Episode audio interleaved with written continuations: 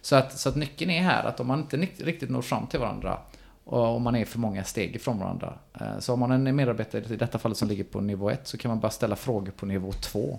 För att på så sätt bjuda in medarbetare till en högre nivå.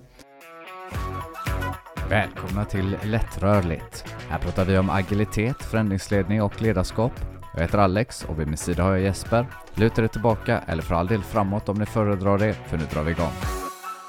Då är det dags för sista avsnittet för vårterminen. Så vi kommer bara fortsätta med Intent-Based Leadership. Mm. Som vi började med i, i, tror det var avsnitt 19. Så det blir väl avsnitt 20. Så det blir ett jubileum också. Hur, hur känns det? Jubile- 20, år- 20 års, nej. 20 avsnittsjubileum. Ja, nej, men det är väl nice. Ja. Det är ändå, vad blir det? Dubbelt tvåsitt är det. ja. Ja, Eh, De säger ju att det är väldigt mycket som är så här med sju, sju år och sju eh, stycken och så vidare. Och, och eh, tittar man så ser man att det är väldigt många poddar som klarar av sju avsnitt. Eh, Och sen dör de ut. Så att vi har passerat det strecket.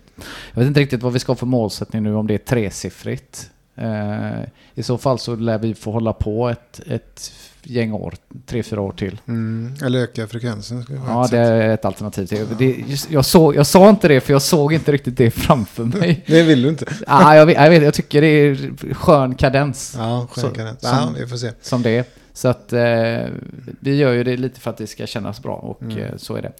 Nog om det. Vad eh, mer saker som har hänt? Det sista. Ja, jag har sprungit det här blodomloppet. Mm. Vet du vad det är? Eller? Yes. Mm. Varför springer man det? Eller ja, det Man vill väl stötta att blodgivning. blodgivning, ja precis. Eh, jag är ingen blodgivare. Nej. Bara, men jag, jag har sprungit i loppet i alla fall. I Slottsskogen. Eh, vi, vi sprang det förra året. Då sprang vi 10 10 kilometer. Mm. Nu sprang vi 5 kilometer. Ja, var inte det godare då? Nej, Nej, för att. Nej, det var mycket trängre. Det Ja, var okej. många fler. Liksom. Det var, du vet, jag springer med Madeleine, då, min tjej. Och vi springer lopp. Man springer jämte varandra lite grann sådär. Och det Mm. finns utrymme. Men nu var det liksom, nej, jag gick inte springa jämte varandra. Och liksom, var är du någonstans? Och, ja, okej. Mm. Och man kryssar höger, vänster. Så ja, den upplevelsen ska jag försöka undvika eh, kommande lopp. Mm. eh, Faktiskt. Eh, Hade, kunde man gjort på något annat sätt eller? Ja, det fanns ett sätt som jag insåg när jag sprang där. För att de sa så här att ja, okej, ni som springer under 25 minuter, Mm. ni kan starta 18.40. Mm. Och ni som springer typ 30 minuter, Mm. ni startar 18.50. Eh, så, men vi startar i den här senare gruppen. Mm. Vi skulle ju startat i den snabba gruppen istället. Mm. Eh, hade man gjort om man var lite smart. Eller så här. Men det är min reflektion över. För då hade de kutat iväg lite fortare de här snabbare och så hade man fått lite lugnare att springa där. Just det.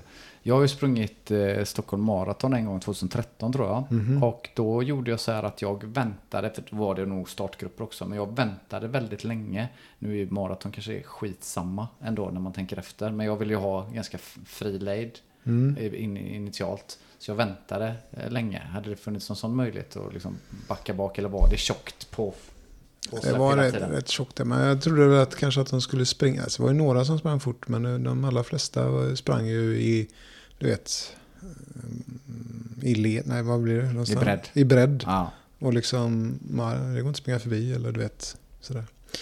Men nu, vi kanske kan prata, vi, har, vi, ska vi har anmält oss till Göteborgsvarvet. Mm. Och det har vi inte sprungit, eh, eller ja, vi har ingen sån här kvalificerad tid. Mm. Och då kollar jag på de här olika startgrupperna, då är det typ så här 1 till 15 säger vi. Mm. Var det sådana du hamnar i, liksom baserat på hur du sprang förra året. Mm. Och då, och, men sen när anmäler du dig eh, så är det ett typ startgrupp 16 till 24. Mm. Eh, då. Och då hamnar man i, om man anmäler sig tidigt, väldigt tidigt, Mm. så hamnar man i startgrupp 16. Mm. Anmäler sig man väldigt sent hamnar man ja, typ i startgrupp 24. Mm. Eh, men då, och vi anmäler oss tidigt, så jag tror att vi kommer i startgrupp eh, 16 då. Mm. Men då såg jag att de är i startgrupp 15. De är sådana aslångsamma människor Mm. som går. Mm. Vilket kommer innebära att vi kommer springa in i dem efter eh, 10 minuter eller något. Det är riktigt dåligt. Så du vet vad du får göra då? Ja, vad ska, det är min fråga. Vad ska jag göra? Sidningsloppet i mars. Aha. Bara göra det. Och så göra det relativt bra. För då kommer du hamna åtminstone liksom startgrupp. Ja, 8, 9, 10 någonting. Eh, back in the days när jag var liksom någorlunda tränad så tror jag att jag fick startgrupp 4 eller 5 någonting. Mm. Så det går att, att bli av med de som är 10 till 15. Genom att, jag menar, om du, kan, om du kan klämma dig in under timmen så tror jag att du kan hamna någonstans precis framför Mm. dem. Det kan springa. man springer milen på en timme. Ja, det kan man göra. Ja, det kommer du nu som ni håller igång så lär det inte vara något problem. Och då Mm. är det på Frihamnen. Är helt, blåser det inte så kommer det vara inga problem. Det är ju platt liksom. Eh, om de kör där fortfarande, det vet jag inte. Ja, jag får kolla sidningsloppet. Ja, bra tips där. För jag har tänkt på det. Fan, vi kommer springa rätt in i sås. Mm. Nej, det är riktigt tråkigt. Det är två gånger det har hänt mig. Det jag har ju sprungit Midnattsloppet, vilket är ett av de roligare loppen här i Göteborg som jag tycker. Och man Mm. springer typ 10, 9, 10 på kvällen någonting. Och då har de ha- dels haft en stad, ett år så sprang vi typ inne i stan. Eh, då kommer jag inte riktigt ihåg vad vi, om vi startade på, ehm, eh, på Heden. Och då blev det trångt. Då var det trångt en kilometer. Eh, och en annan gång så startade de inne på Slottskogsballen och då var det också trångt en kilometer. Annars har det bara varit trångt med 100 meter. Eh, Men de två gångerna var, var eh, lite tråkigt då, att det blir så. Så får man försöka Ja. planera. Okej, men gällande löpning. Madeleine hon har ju sagt att hon ska springa fyra gånger i veckan nu. Så. Mm. Eh, men eh, då gäller det. Men jag har också insett att kanske något pass ska vara intervallpass av de där. Mm. För att det ska få någon effekt då. Och då har hon kollat upp lite grann. eh, Lite olika intervaller. Och det finns det ju tusen och en olika varianter. Mm. Mm. Vänta, har du, någon, du som har sprungit en del, har du sprang du intervaller? Ja, vi sprang väldigt mycket intervaller. Så jag har gjort både den klassiska eh, eh, fyra gånger en kilometer med någonstans två minuters vila emellan. Det är den, liksom, det är bulken av intervallträning. Sen har jag även kört eh, eh, kortare, när man springer 70-20. Har Också varit också bulkvara. Det- 70, 70 sekunders eh, löpning, 20 sekunders vila och så gör man det i ungefär 20-25 minuter. Eh, sen finns det ju också då, om man nu vill prata om intervall, men att man ligger på, på om man håller pulsträning så ligger man i en viss pulszon och så kanske man springer eh, tre kilometer och sen så vilar man ja, eh, minuter och så.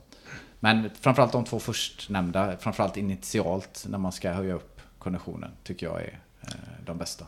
Funkar de bra då, tyckte du? Ja, Ja. Ant, antar det. Ja, jättebra. Jag har sprungit lite sådana här norska intervaller, vet du vad det är? Men är det, det vet, jag vet vad Björgen-intervaller är, tror jag, att man springer fyra minuter, eller om man springer en kilometer eller fyra minuter och sen så joggar man emellan, men det kanske inte det är du. Ja, men det är det. Ja. Så, det är eh, fyra minuter eh, hårt Ja. tempo. Då ska man typ komma upp i 90% av pulsen. Eh, Och sen eh, antingen tre eller fyra minuter lugnt tempo, Mm. typ i 70% av pulsen. Och så gör man det fyra gånger. Mm. Eh, Det är norska intervaller. Mm, också bra. Ja. Och sen har jag gjort Tabata-intervaller. Mm, också bra. Ja. Det har jag inte gjort så mycket eh, när jag väl löp, när jag gjorde tävlingar. Det har jag mer gjort eh, efter jag har slutat. Eh, och I fotbollssammanhang har jag gjort det mycket Mm. också. Eh, man springer 20 sekunder och vilar 10 Ja. kanske. Kör på löpband. Eh, eh, Men jag har också gjort på den här eh, jävla... Det finns ännu värre maskin. En sån här... eh, Vad heter det? Cross-trainer.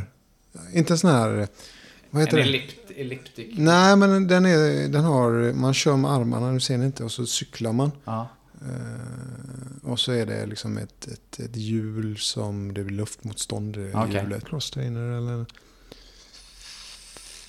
ja, skitsamma. Ja, den är för jävlig i alla fall. Mm. Det rekommenderar jag inte. men det är nog effektivt som... Ja, gör du tabata-intervaller på dem då? Ja. All right. All Den right. är ju hemsk. Ja. All right, så att man, bara för att sammanfatta det lite. Broderloppet, eh, vad, hur blev resultatet? då? Du kanske inte behöver säga någon siffra om du inte vill, men mer så här, blev det nedsolkat av trängseln eller? Ja, det var det. Vi tog det lite grann som träning. För Ja. vi, eh, jag tränade ju eh, idiotiskt nog så körde jag sån här eh, trappträning här borta. Jag var i Skansen Kronan här. Ja. Eh, sprang i trappor typ dagen innan. Ah. Och så hade jag Mm. jätteträningsvärk. Smart. Så körde jag lite kettlebell på morgonen. Och sen så gick vi till klubben och rullade en timme. Ah. BI och det tänkte vi var bra uppvärmning. Sen var vi rätt rökta när vi skulle springa. Så jag kände mig inte jättepigg. Shit, ja ja. Nej, Men eh, bästa nej, så att... Eh, men det var inte meningen att prestera. Så det var gött att jag inte tänkte att vi skulle prestera. Ja, ja, men det blir något slags träningsupplägg här nu inför maj nästa år då kan man säga. Ja, jag måste sätta mig och tänka igenom det här. Ja. Hur det ska bli bra, så det inte blir en pain in the ass att göra det. Jag har nog ett gammalt träningsprogram liggande. Sen kanske det behöver anpassas efter egen pulsnivå och sådär. Så se om jag hittar det. Mm. Så kan du... Eh, Ta input i alla fall. ja, exakt. Eh, bra. Eh, för egen del. Eh, vi har ju pratat om eh, koltrastar en Ja. del. Vi hade sotan över. Eh, och nu har vi äntligen fått in ett skydd för eh, eventuella framtida besök av fåglar i skorstenen. Så det är väldigt skönt. Så nu slipper vi eh, koltrasten Jesper ramla i skorstenen igen. Eh, om det nu var, om man inte lärde sig av, av första gången här. Ja, precis. Ja. Så det var bra. Det är skönt. Och eh, nu är det ju vädermässigt eh, grym sommar, men det börjar närma sig även semestrar och sådär. Mm. Har du någonting kul planerat då, förutom att bara löpträna? Ja, alltså jag har inte jättemycket planerat. Vi har snackat med barnen, vi ska göra någon roadtrip och det är kanske Kolmården är i, i planerna. Lite grann där vi får se eh, om, det- om det blir det. Eh, men det är rätt öppet annars faktiskt. Mm. Eh, bra låt. Men jag, jag ibland så planerar jag att boka resor och grejer och hit och. Men nu har jag hållit på med den här renoveringen och hit och dit. Och sen, Ja, både har du grejat med rör ute på Bälen i sommarstugan och så köket här. hemma. Ja, precis. Så jag ska bygga en sån här eh, typ staket där ute också. Mm. Ehm, Så jag har inte riktigt kommit till det läget att det ska planeras. Det, det, kommer, det får bli lite spontant att åka lite eh, hit och dit. Ja, men låt mig gissa då att om frekvensen löpning kommer att öka Ja. så kommer den ändå inte riktigt nå upp i frekvensen grillning. Nej, det grillar. Vi ska ju grilla varje dag i princip då. Ja. Men det var, bara inte blir det där jävla grillförbudet. det ja, det hade ju varit katastrof. Ja, ja. Ja, Nej, jag är nog lite i samma sitt som du. Eh, I och med att vi har flyttat till hus så kommer vi nog bara vara där. Det, det är ju riktigt gött där. Eh, och till och med så att jag kanske tar en extra semestervecka då. Eh, för Mm. att eh, verkligen slappna av. Och så finns ju alltid något att göra så får man den feelingen så är det bara att plocka fram ett verktyg så Precis. peta någon sån. Men ja, absolut på eldning. Det är lite, jag, jag, jag rör mig i en gråzon du vet med min sån här stora... Den brasilianska härket eller? ja, argentinska grillen. Argentinska grill. Ja. Där, där kan man ju elda med eh, vanlig ved i den. Ja. En vedeldare. Det går ju av med kol och briketter också såklart. Då. Eh, Men så hade jag köpt ved och så var den lite sur. Mm. Och så eldar och det rökte så in i helvete om jag får uttrycka mig så. Så grannarna klagade. Mhm. Eh, Och sa man får inte elda på tomten. Det här är ju frågan om, det är grillning eller eldning jag gör.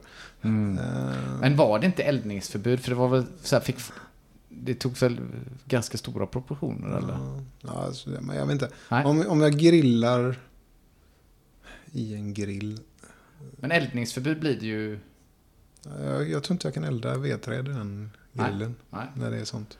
Ja, vi får hålla, hoppas, hålla tummarna då att det kanske kommer en eller två regnskurar här så att eh, Jesper eh, Mm. inte går miste om eh, sina två till tre grillningar per dag här under juli och augusti. Ja, precis. Vi får se. Vi får återkomma efter sommaren hur mycket grill det blev. Ja.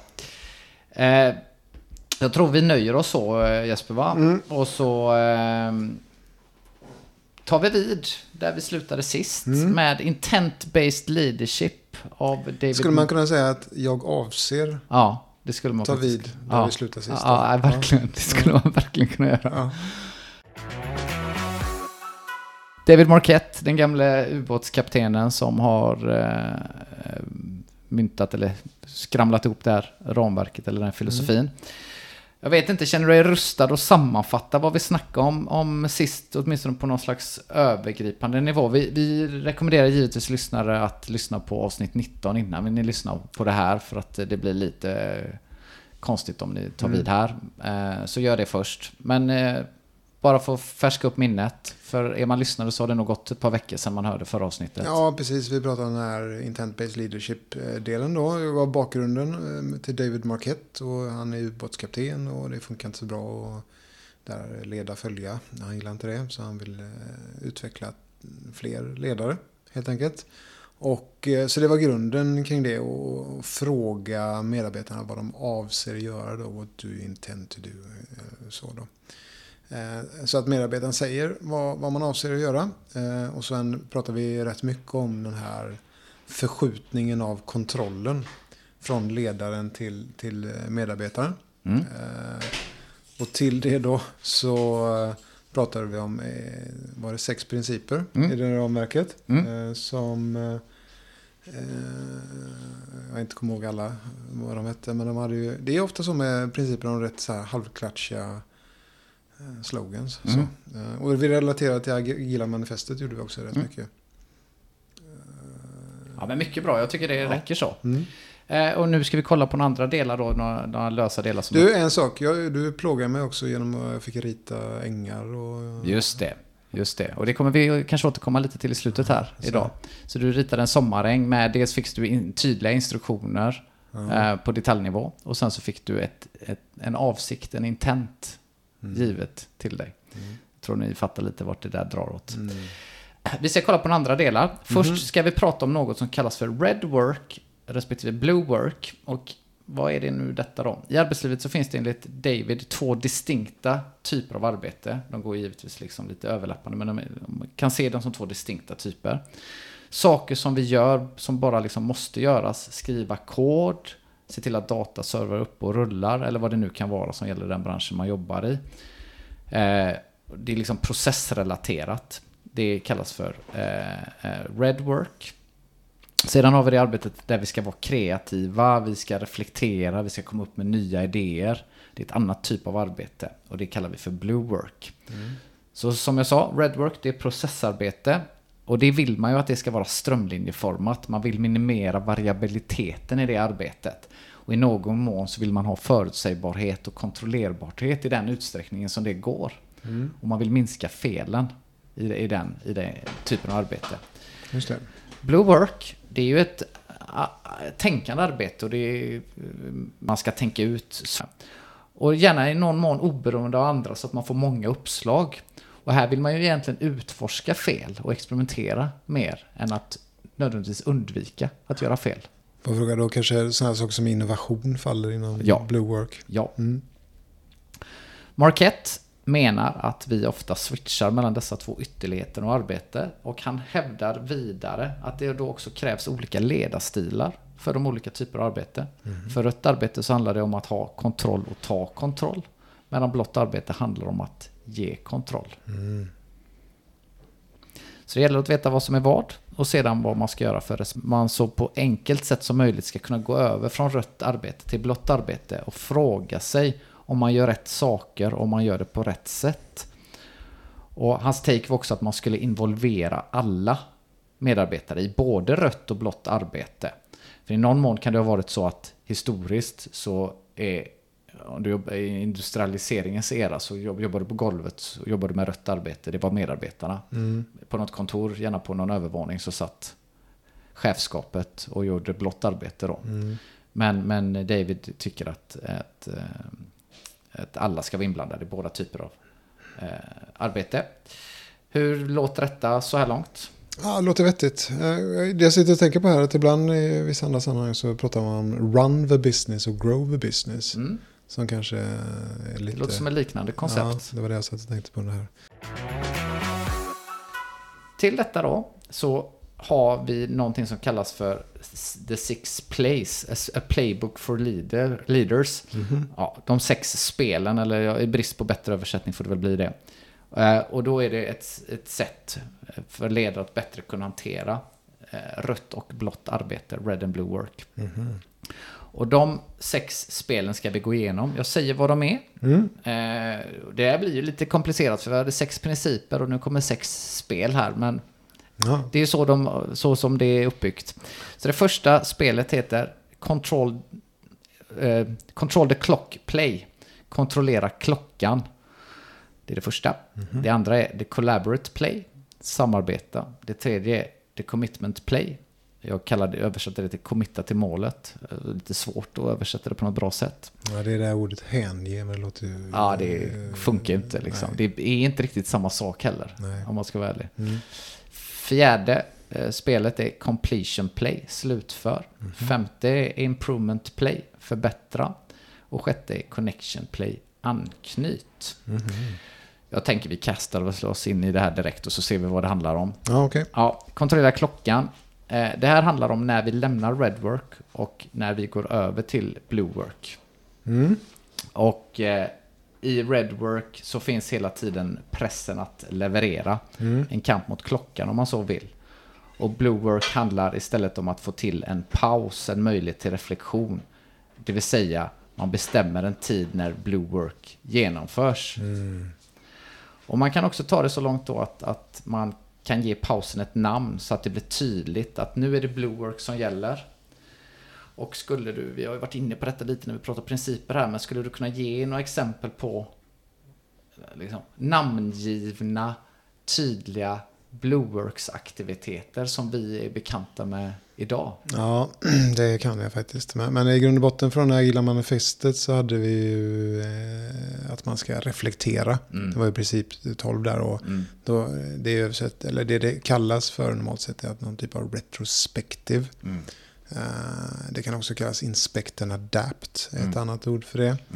Eh, Men jag skulle också säga att kanske just det här safe-ramverket har ju sin här IP, sprinting, innovation, planning och innovation. Mm. Är ju blått arbete då. Mm.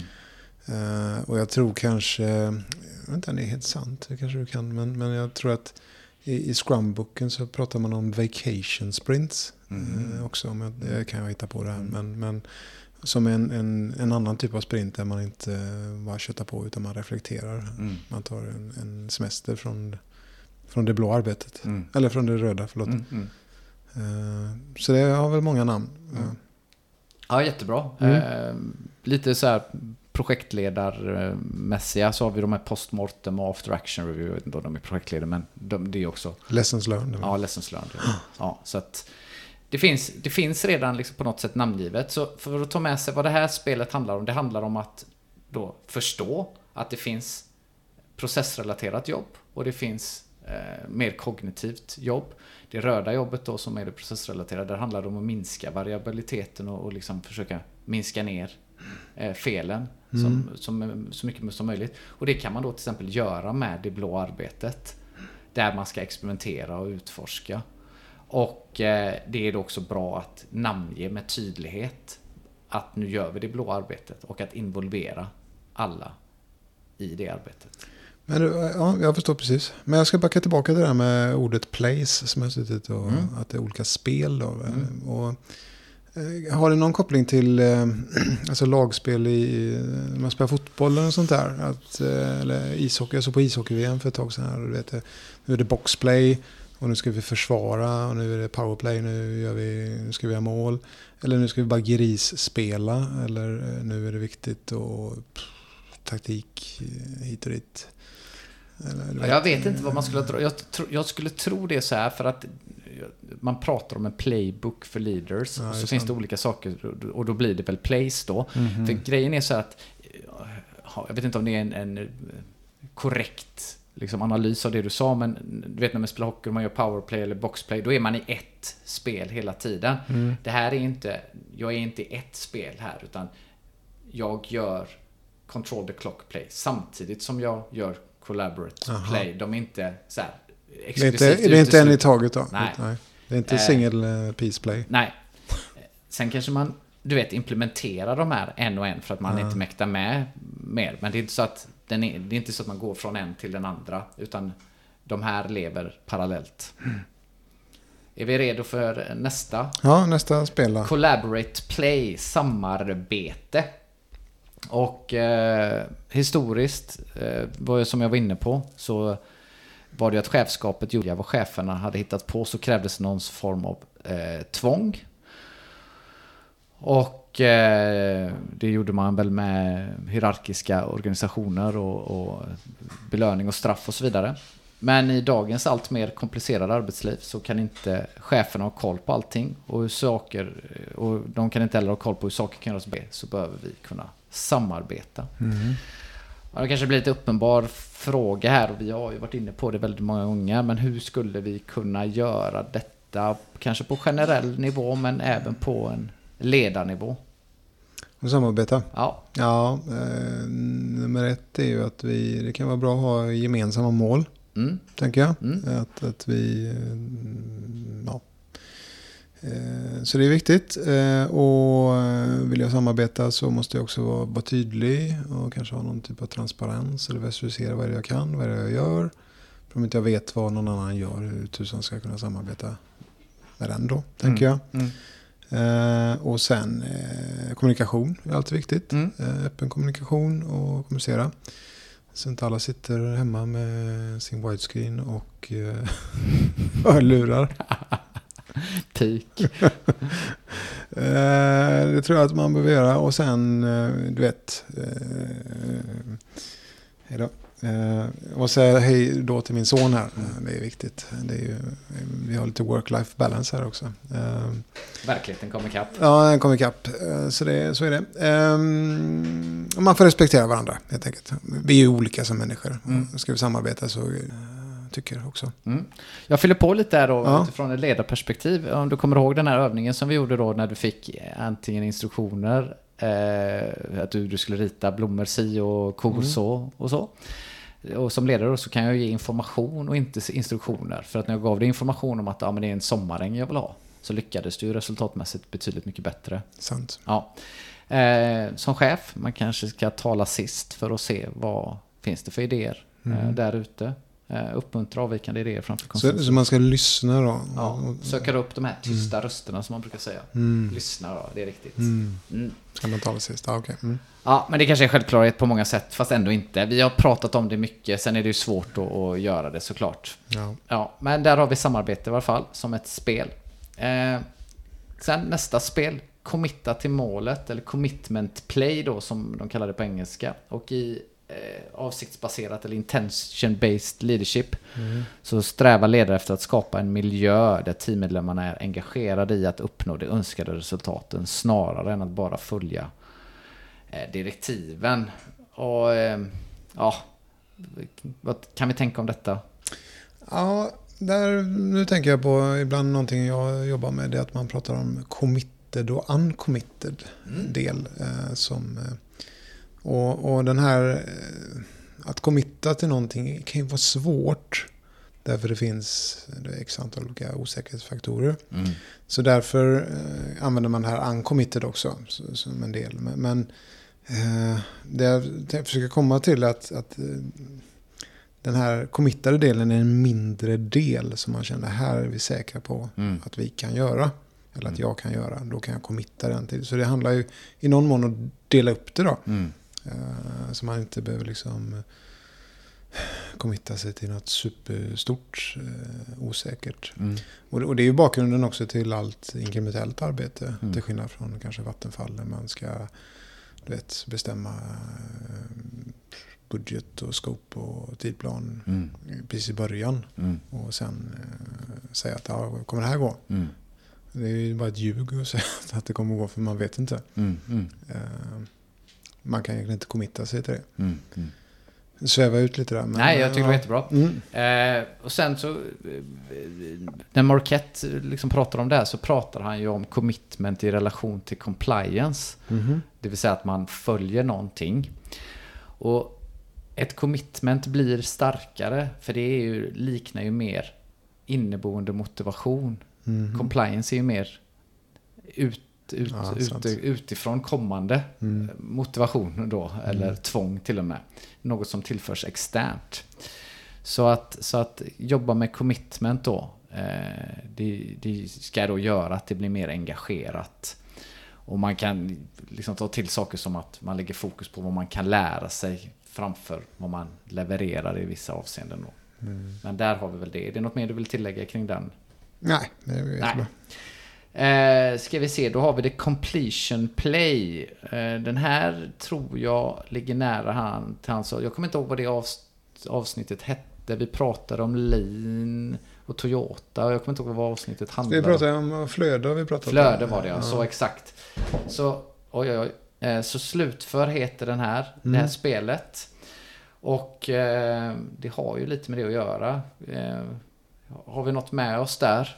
Ja, det finns massa där egentligen. Men, men det är ju ett jäkla bra idé att vi ska slutföra saker. Och vi ska inte starta massa saker. Så det finns den där eh, stop starting, start finishing eh, mantrat. Ja. eh, Som är där.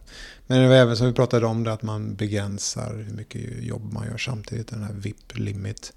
Och hela poäng, eller en stor poäng med det är att man ska slutföra. Men då, då finns det det man kallar för cycle time. Mm. Hur fort går det från det att man startar någonting till man har slutat något? Det ska ju vara så kort som möjligt då. Mm.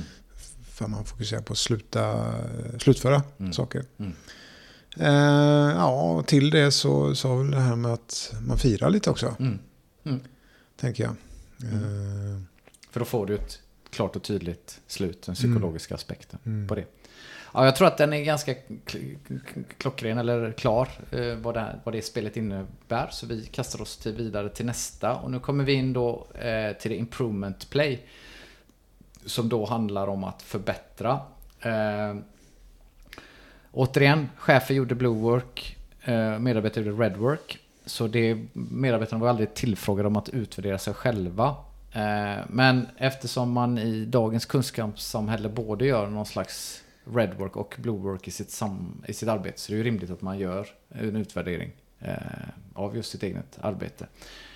Eh, och det är lämpligt att göra en utvärdering efter en viss mängd redwork. Lite samma som att vi pratade om när vi skulle styra klockan. Och det här Mm. jäckar också in i principen Don't be good, get better som vi pratade om i förra avsnittet.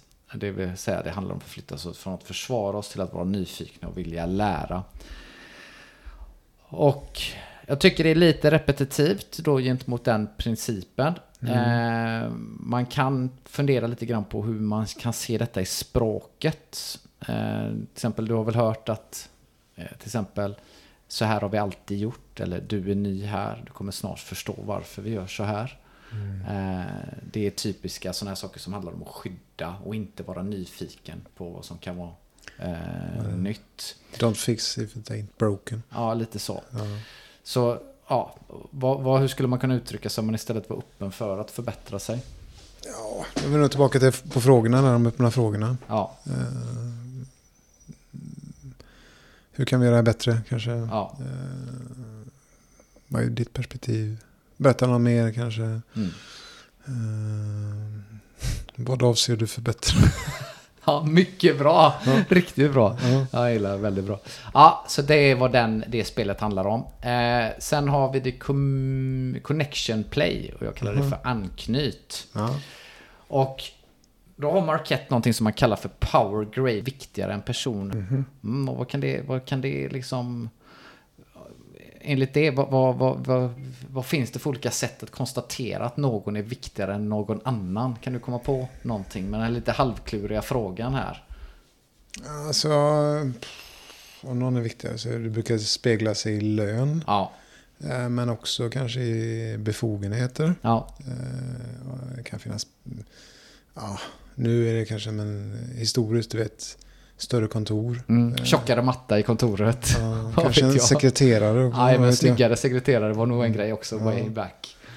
Eh, Så är det, men också mm, tillgång till ännu högre chefer. Mm. eh, är väl också en del.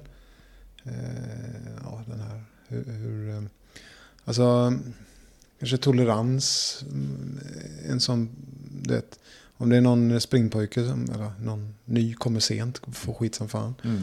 Eh, Någon hög chef som kommer sent, det är ingen som säger något Mm. om det, det tolereras på ett helt annat sätt. Så Mm. man har, har eh, mer friheter, Mm. eh, skulle man kunna säga. Ja, men jag tycker det räcker där. Där har du typiskt sådana här eh, liksom indikationer på eh, en power gradient. Då. Mm. Och det finns fler subtila saker som man också kan se som har med detta att göra. Till exempel att ett möte inte startar förrän den mest seniora personen dyker upp. Straff går bara neråt och inte uppåt. Och vem man tittar på för att få reaktioner kan vara en sån eh, grej då. Och detta tycker, ju att, eh, tycker ju David Marquette att man ska komma bort från.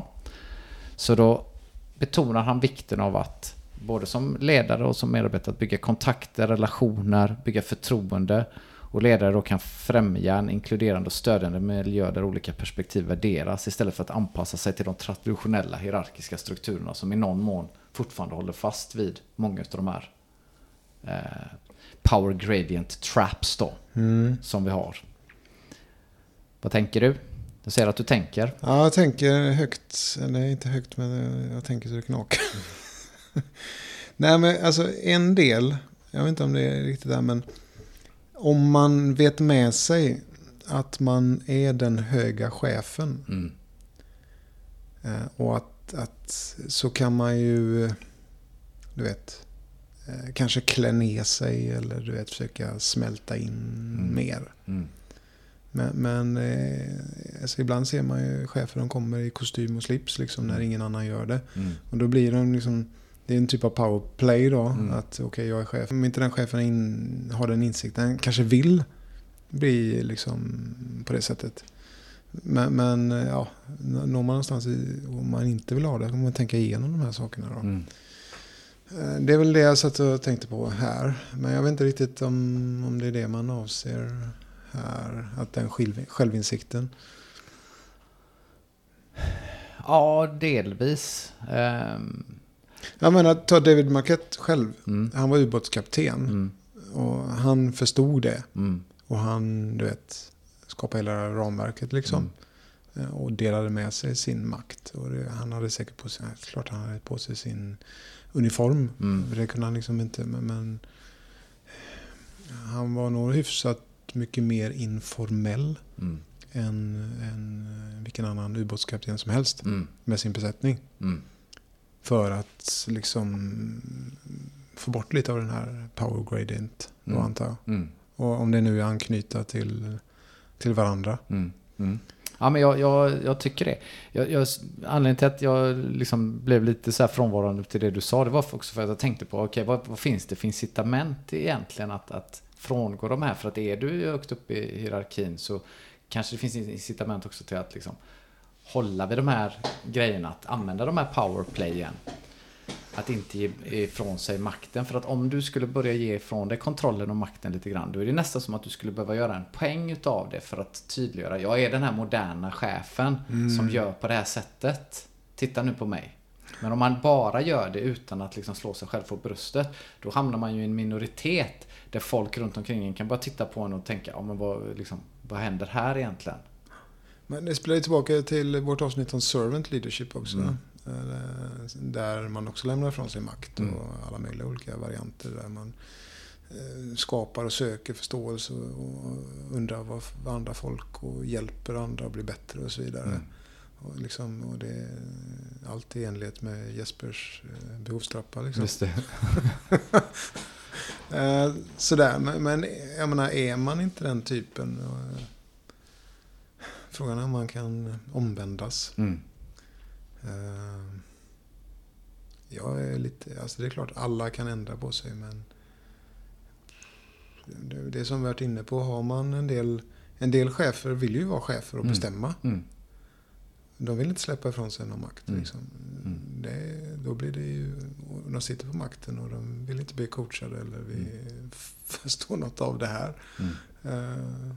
Det, liksom, det, här, det kan jag hålla på med där borta, men Mm. inte här. Jag tänkte egentligen fråga dig vad vi säger om dessa, men innan jag gör det så är det väl nästan som att jag själv tycker att just de här är inte liksom de starkaste delarna i ramverket. Eh, principerna är mycket starkare och, och Mm. liksom bättre. Det här är my- mycket gammalt i ny kostym. Men, men en fråga, när skrev han det här? Det var det inte så länge sedan? Åh, han skrev ju Turn the Ship Around 2009 och det här har väl allt eftersom utvecklats. Eh, eh, Language, eh, le, Leadership is Language kom väl 2000 13 tror jag. Ja, vi ska se vad jag hade om det. För att det är ju då... Det är ju då... I Turn the Ship Around kom 2013, så kom Language, eh, language is leadership, leadership is Language kommer säkert senare. Och sen har jag allt eftersom utökat biblioteket och det tycker jag att alla ska gå in och göra. Gå in på Intent-Based Leadership, en YouTube-kanal med hur mycket sådana här små korta videoklipp Mm. som man kan titta igenom med, med bra tips då. Eh, men vi snackar 2015, 2016. Eh, Den här ledarorganisationen så vill man få till det här. Ja, Hur, okej, vi har sex plays här. ja. Hur eh, ja det är väl det som de egentligen, det är egentligen det det ska svara på. Det kanske inte riktigt svarar på det, men det här ska ju vara det tydliga, det, det liksom påtagliga som du kan göra. Ja. Bygg anknytning. kontrollera klockan. Säg när, du, när ni gör blue work. Eh, hur förhåller vi oss till red och blue work? Ja, nej, nej, men det går alltså, Det var ju med samarbete och grejer. Så att, Ja. det vill man ju ha. Så det är, ju, det är ju ändå ganska, vad ska man säga, tangible eller påtagligt. eh, Så här. Det är inte det bästa jag har sett. Eh, Det är inte fel på idéerna, men paketeringen är inte... Nej, bakterierna är inte du vet så att det är bara poff, där kom det Nej. ut, liksom. Nej. Det är alltid man får tänka, fan betyder det här? Jo, det där, ja men det är självklart. Mm. Ja. Men okej, det är intressant ändå. Ja.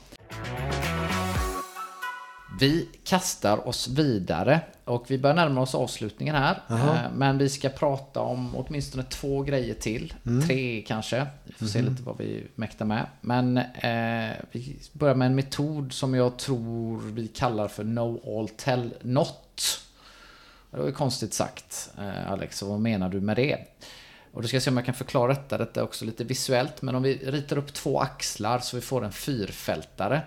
Så har vi ett, ett streck som går eh, vertikalt. Så eh, längst ner har vi No Not.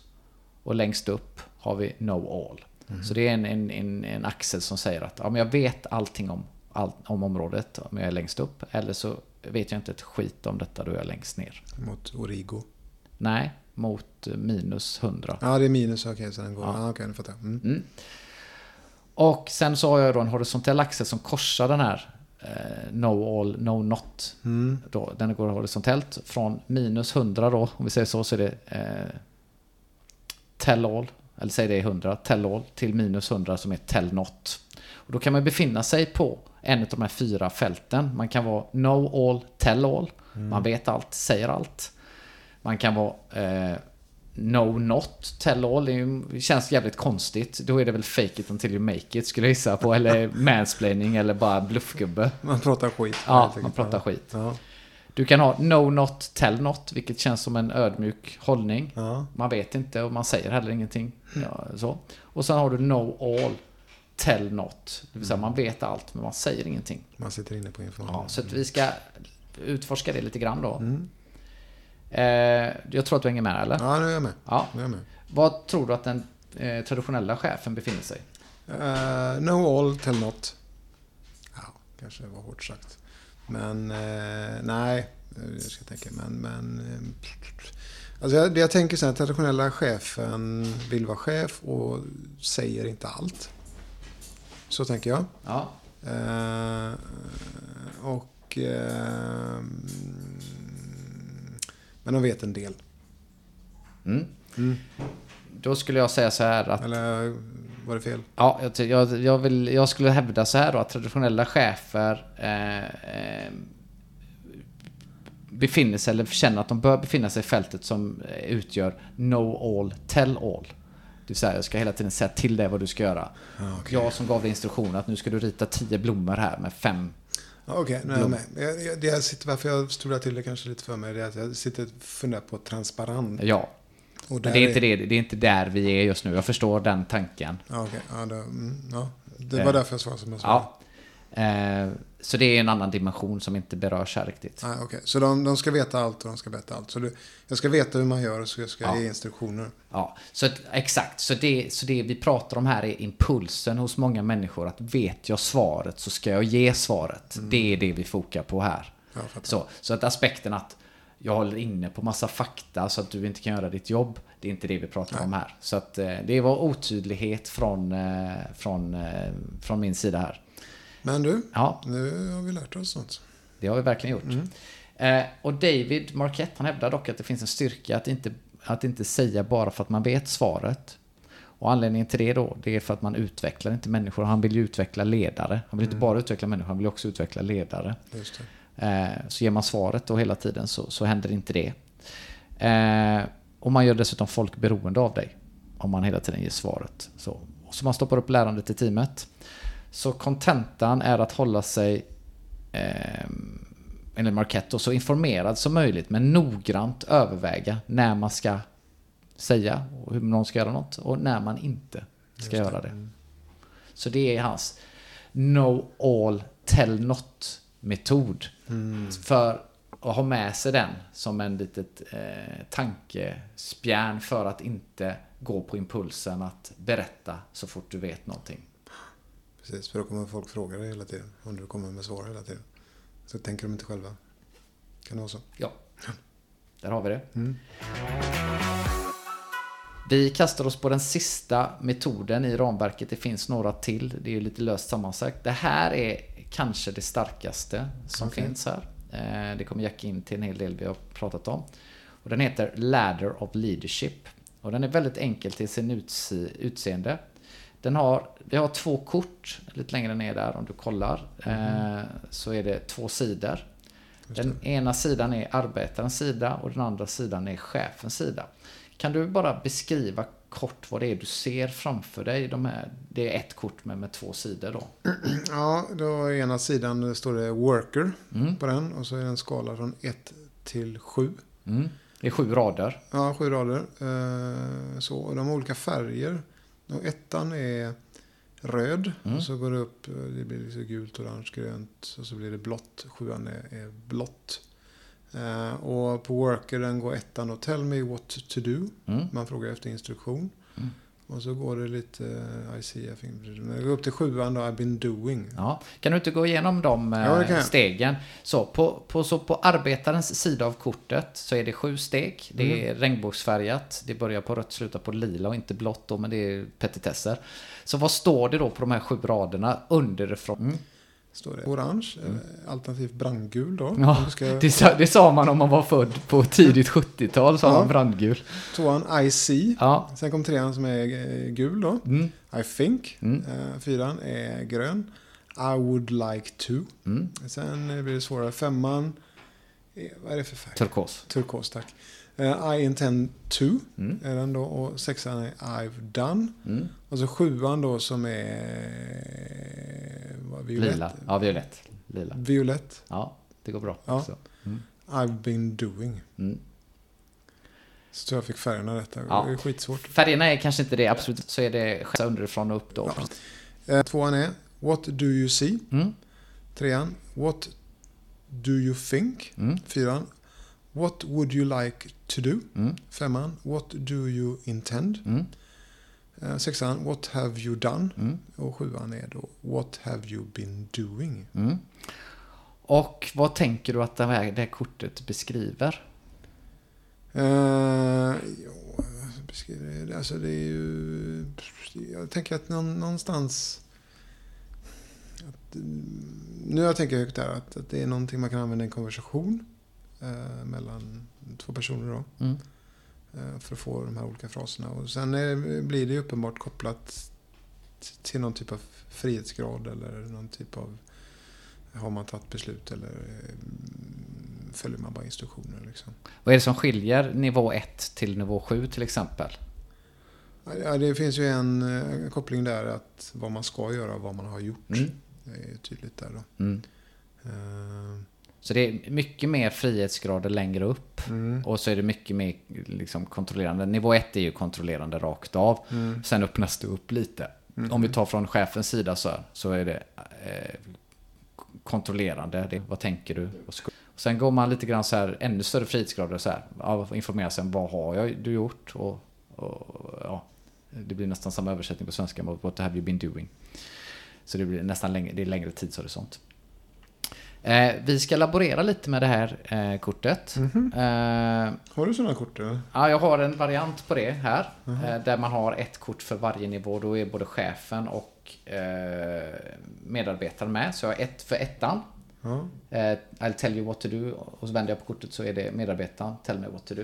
Och Okej. likadant för tvåan. What do you see? I see. Var har du fått dem ifrån? De har jag fått av min goda vän Jenny Jepsen som är från Go Agile som jag dessutom har snott den här övningen som vi kommer göra alldeles strax Aha, ifrån. okej. Så jag ska ge cred till henne. henne Steel with Pride. Ja, så henne kan ni kolla in eh, på YouTube och annat. Hon finns också med på Intent-Based Leadership eh, videofilmerna. Ja, okej. Eh, så. Eh, så de kan du ha i din, i din hand där. Ja, jag har dem i min hand här. Vad tror du att David Marquette tyckte att bästa stället var att befinna sig på, på den här stegen? Det kan vara den mest ledande frågan hittills. I intend to, eller what do you intend? Mm. Så, så det, är- det är liksom det språkbruket som, som eh, eh, vi pratar om här.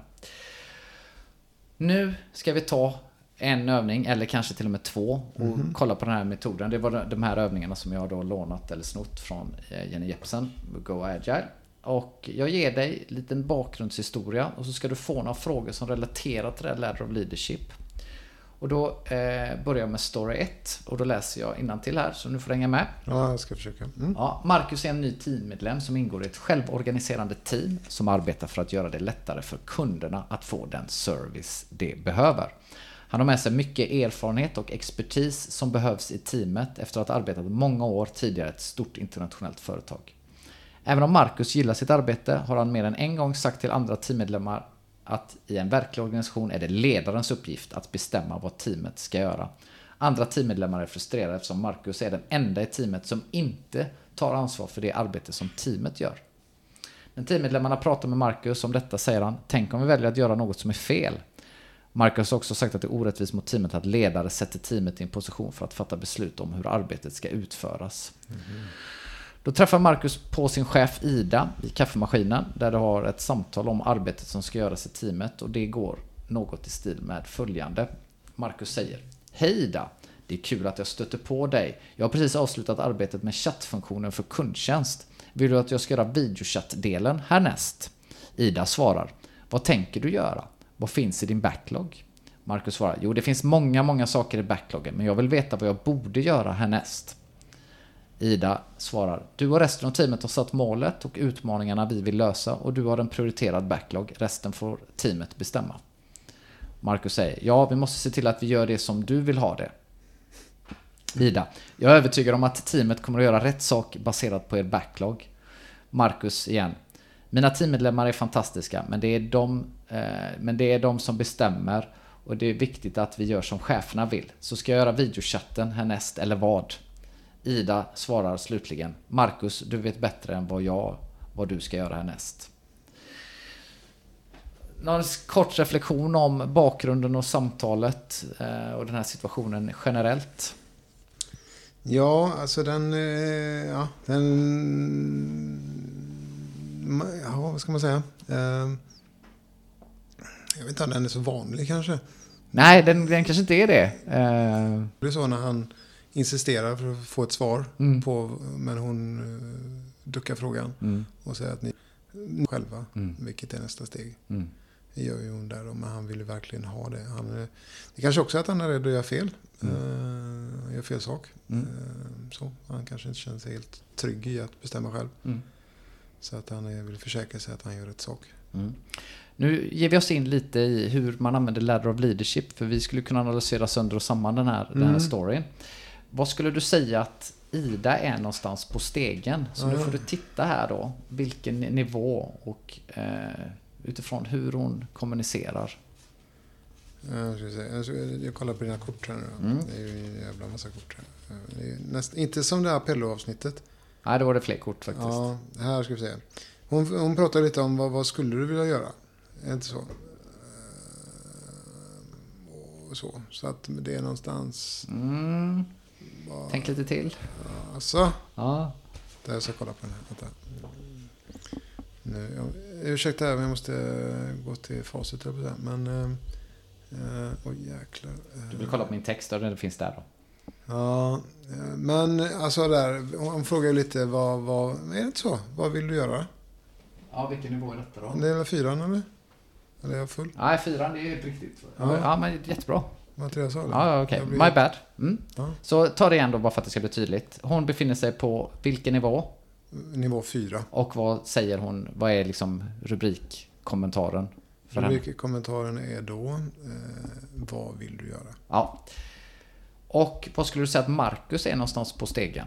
Han är ju längst ner. Ja. Han vill ju få, eh, liksom, ta, eh, tala om för mig vad jag ska göra. Mm.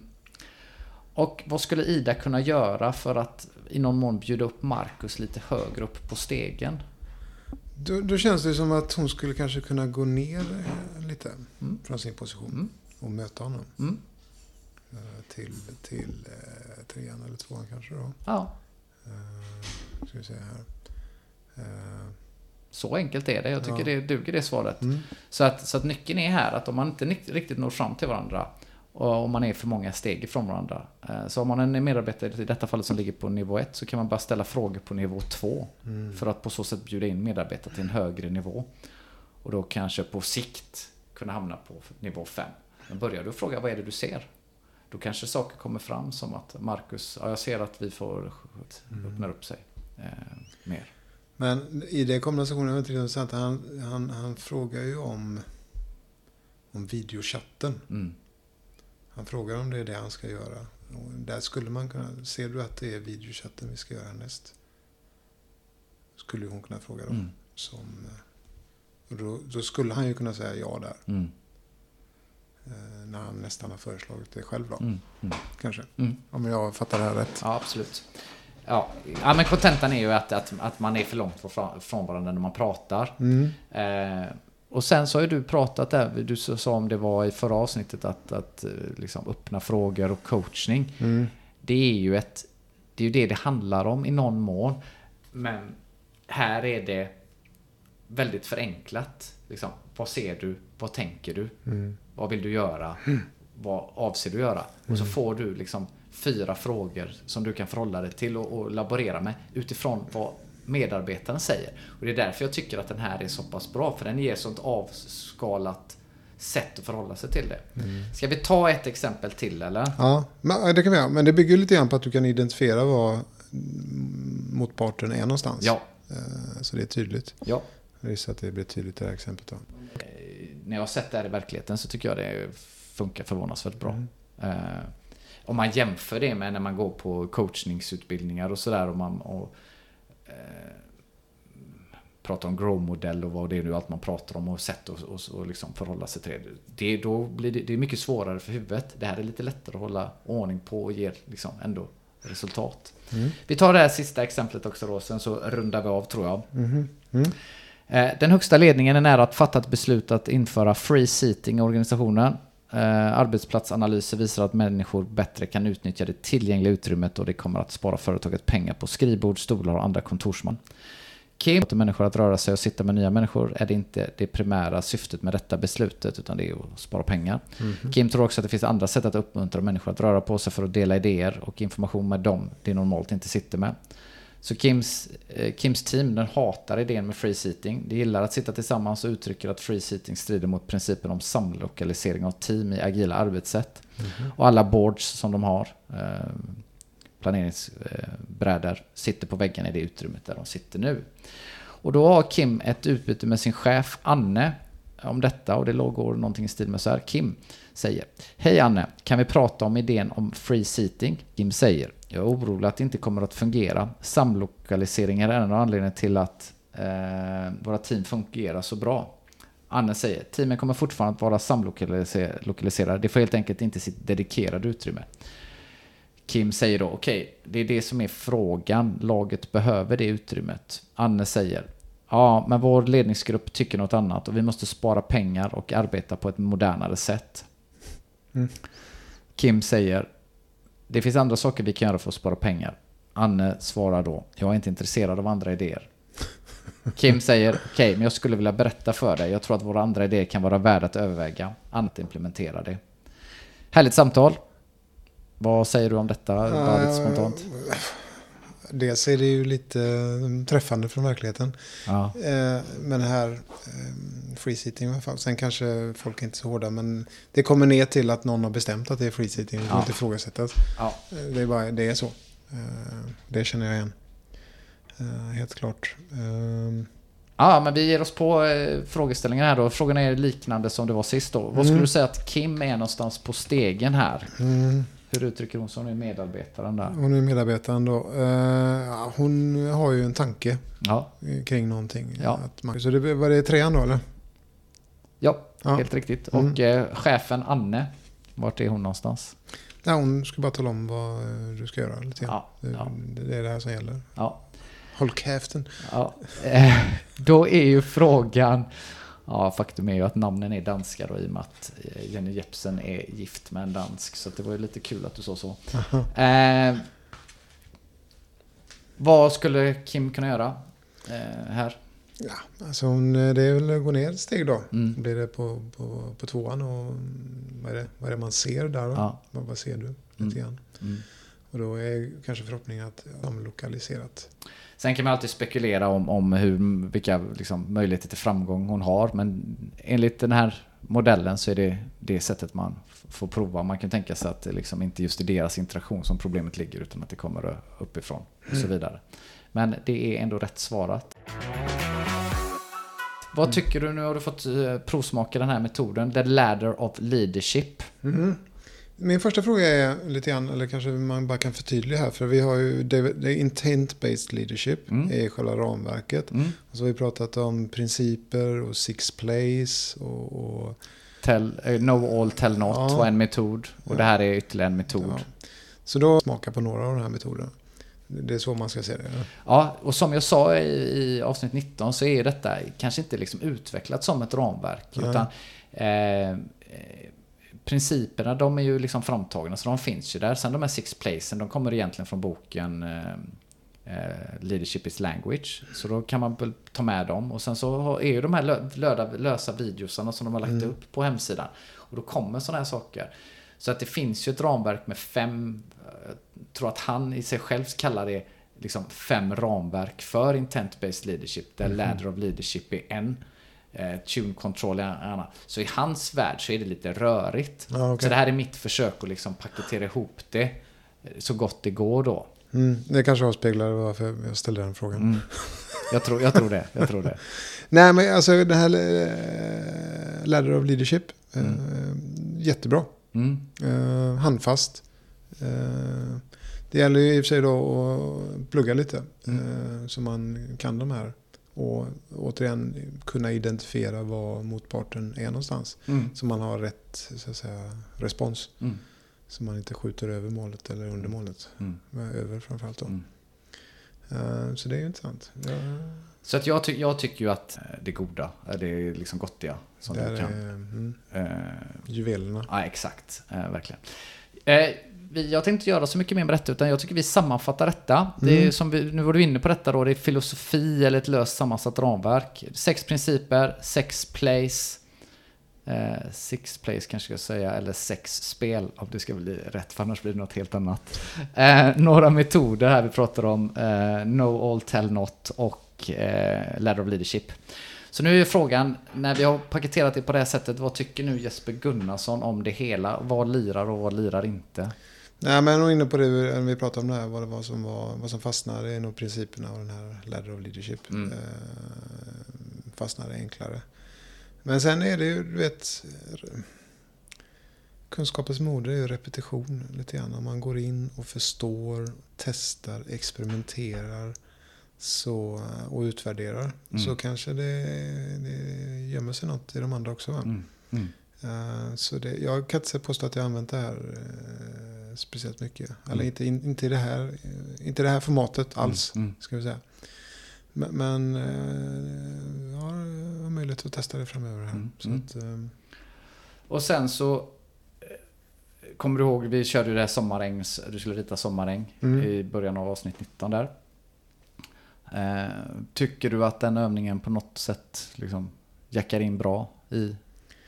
Alltså, det är I tell you what to do. Mm. Eh, är ju liksom väldigt tydlig instruktion. Och sen är det ju liksom ja, vad, man, vad jag ska åstadkomma och vad det nu Mm. blir för nummer i den här Mm. eh, stegen. Mm. Men, men... eh, Femman kanske. Ja, man ger mer intentionen, Ja. man ger in, liksom, informationen Mm. snarare än instruktionerna. Så, så det, det hänger ihop tycker jag. Ja. Så det man kan göra som jag tycker är ganska snyggt, som jag har gjort några gånger, man kan inleda med den eh, Summer Meadow som, som, jag vet inte vem som är upphovsmannen till det, en gammal övning. Mm. Liksom om man gör det i grupp och resultatet brukar bli ungefär så som du gjorde, kanske ännu värre. Mhm. Eh, när det är folk som sitter runt ett bord och, och ritar från alla möjliga håll. Ja. Mm. Eh, och eh, sen så prata om principerna och sen prata om ladder of leadership. Jag tycker det brukar bli ett ganska bra paket. Kan man göra det på en timme, en och en halv timme eh, någonting så får du eh, ett bra material om det är någon som vill köra någon övning. Eh, sen hade vi en koppling till agil, det agila. Det samspelar väldigt väl med Mm. de agila principerna. Vi har nämnt en tre stycken åtminstone. Precis, och det, ja, det är intressant. Är, jag tycker, även om det agila manifestet är 20 år, Mm. så håller det, det håller liksom. Mm. eh, I mångt och mycket. Det är visst, det finns lite om projekt och hit och dit, men, men eh, Jag undrar hur, hur mycket han visste om om agilt arbetssätt. Eh, Du vet när han... Och när, när är detta? 98, 99? Eh, undrar om inte det han är på Santa Fe. mm, Han kan ju inte veta någonting nej. om agilt då i varje fall. Sen har det säkert utvecklats efterhand. Mm. Och influerat. För det har ju utvecklat under en lång tid. Man vet inte, ibland finns det ju du vet, lite subkulturer som Ja. är inne på något här och så är någon med så alla är jävligt inspelade och så blir det någon ja, major culture av Det är det. klart att det fanns ju något, något som man kan eh, eh, liksom peka på var agilt redan innan det agila Mm. manifestet. Liksom. Så att, eh, det är en konstigt där. Ser du att det finns någon, någon liksom, finns det någonting som vi skulle kunna tänka oss fungera som kritik här? För vi, i någon mån är vi väl överens om att här finns eh, en del juveler och en del saker och, och, som är bra. Finns det några risker eller någonting, eventuell kritik? Alltså, det finns ju det här att han är på en ubåt och där de har en väldigt, liksom, ger en order och livet. Mm. Så är det inte så strikt Mm. eh, alls. Liksom, att, eh, vet, eh, sätt på datorn. Mm. Jag sätter på datorn, kapten. Nej, men, Nej, så är det ju. Så är det inte liksom. Och, och, så där blir det ju lite annorlunda. Mm. Eh, och det är inte riktigt eh, så då. Men ibland, vi har ju visat den här, kan man få det här och folk tänka som ledare, kan det funka på en ubåt? Mm. Så borde det kunna funka i vilken... Ja, det är nästan den taken man tar att det skulle vara ännu större skäl till att det Ja. funkar någon annanstans. Precis, men det är kanske också det att det är ett sånt stort skifte Ja. som gör att... Men eh, Man inte hur det funkar på i marinen eh, så. frågan är vad som händer i... Alltså i det militära tänker man att när du gör fel Mm. så blir det liksom sån här eh, kompaniförbud liksom. Jag minns när jag låg i lumpen och du vet, jag hade jag glömt min k-pist, du vet, tre meter. Hade jag gått för långt från den. Mm. Och då fick jag någon sån här kompaniförbud eller vad det hette. Så jag fick inte... Jag fick ett straff liksom Mm. för jag hade gjort fel. Mm. Eh, Men det kanske var en del av värnplikten. Men det känns jädrigt omodernt liksom, när jag tänker tillbaka på det. Liksom. Mm. Att eh, okej, jag gjorde lite fel och fått straff. Mm. Så gör du inte om det liksom. Mm. Eh, Men, men ja. Men du är inne på något intressant just det här med ansvarsskyldighet och beslutsfattande. Mm. För menar, en sån här grej skulle ju kunna leda till att det blir otydligt eller tvetydigt. I, ja, jag tror du var inne på det tidigare. Okej, vem är det som har ansvar eh, i detta? För när, man, när man trycker ner beslutsfattandet eh, och även befogenheterna då till lägre nivåer så är det oklart vem som eller det kan vara oklart vem som är ytterst ansvarig Ja. för utfallen. Så är det. Och det finns det här att man har ett, ett, ett alltså man jobbar med team, att det är teamet som är ansvarig. Mm. Och det är, eh, funkar ibland, men eh, det finns ju en hel del personer som vill veta vem är ansvarig. Vem, vilken chef, vem i teamet eller whatever. eh, Är det. Så. Mm. Eh, det var några reflektioner. Eh, bra. Eh, vi ska se här. Vad har vi mer? Ja, men vi, jag kan väl konstatera att eh, det verkar som att IBL har ett brett användningsområde. Ifall om man tittar på alla de vittnesmål som, som finns runt omkring. Och det verkar vara ett ram- ramverk som är relativt lätt att ta till sig och implementera. Framförallt de sakerna då när det gäller principer och eh, ladder of leadership. Ja, Man frågar, IBL är det så här man säger? Intent-based Ja, leadership. det förstår jag. Men Ja. är det en sån term liksom? Ja, kör IBL. Ja. Mm. Ska alla fatta liksom? Nej, det tror jag inte. Nu Nej. gjorde jag det här. Ja. Eh, Men det ska man nog undvika att göra. Det var därför jag frågade. Ja, eh, det var, det, ja, men du vet yrkesskada, du vet så fort man ser någonting som har ett, tre, en tre, treordsbeteckning så gör man det till en akronym direkt. Ja. Nej Jesper, där slutar vi eh, dagens avsnitt som också blir säsongens sista. Så det är dubbelrep på den. Mm. Så bra jobbat och på återseende. Ja, men det, vi måste ju fundera ut på hur ska vi fira. Nu har vi klarat två säsonger eller? Ja, Ja, 20 avsnitt. ja. funderar på det. Ja, Jag kan tänka mig något med grill grill. hemma ja, hos dig. Ja, Så kör vi. ja, det gör vi. Då rapporterar vi det sen. Ja, ha det bra. Ha det bra. Hej. Hej.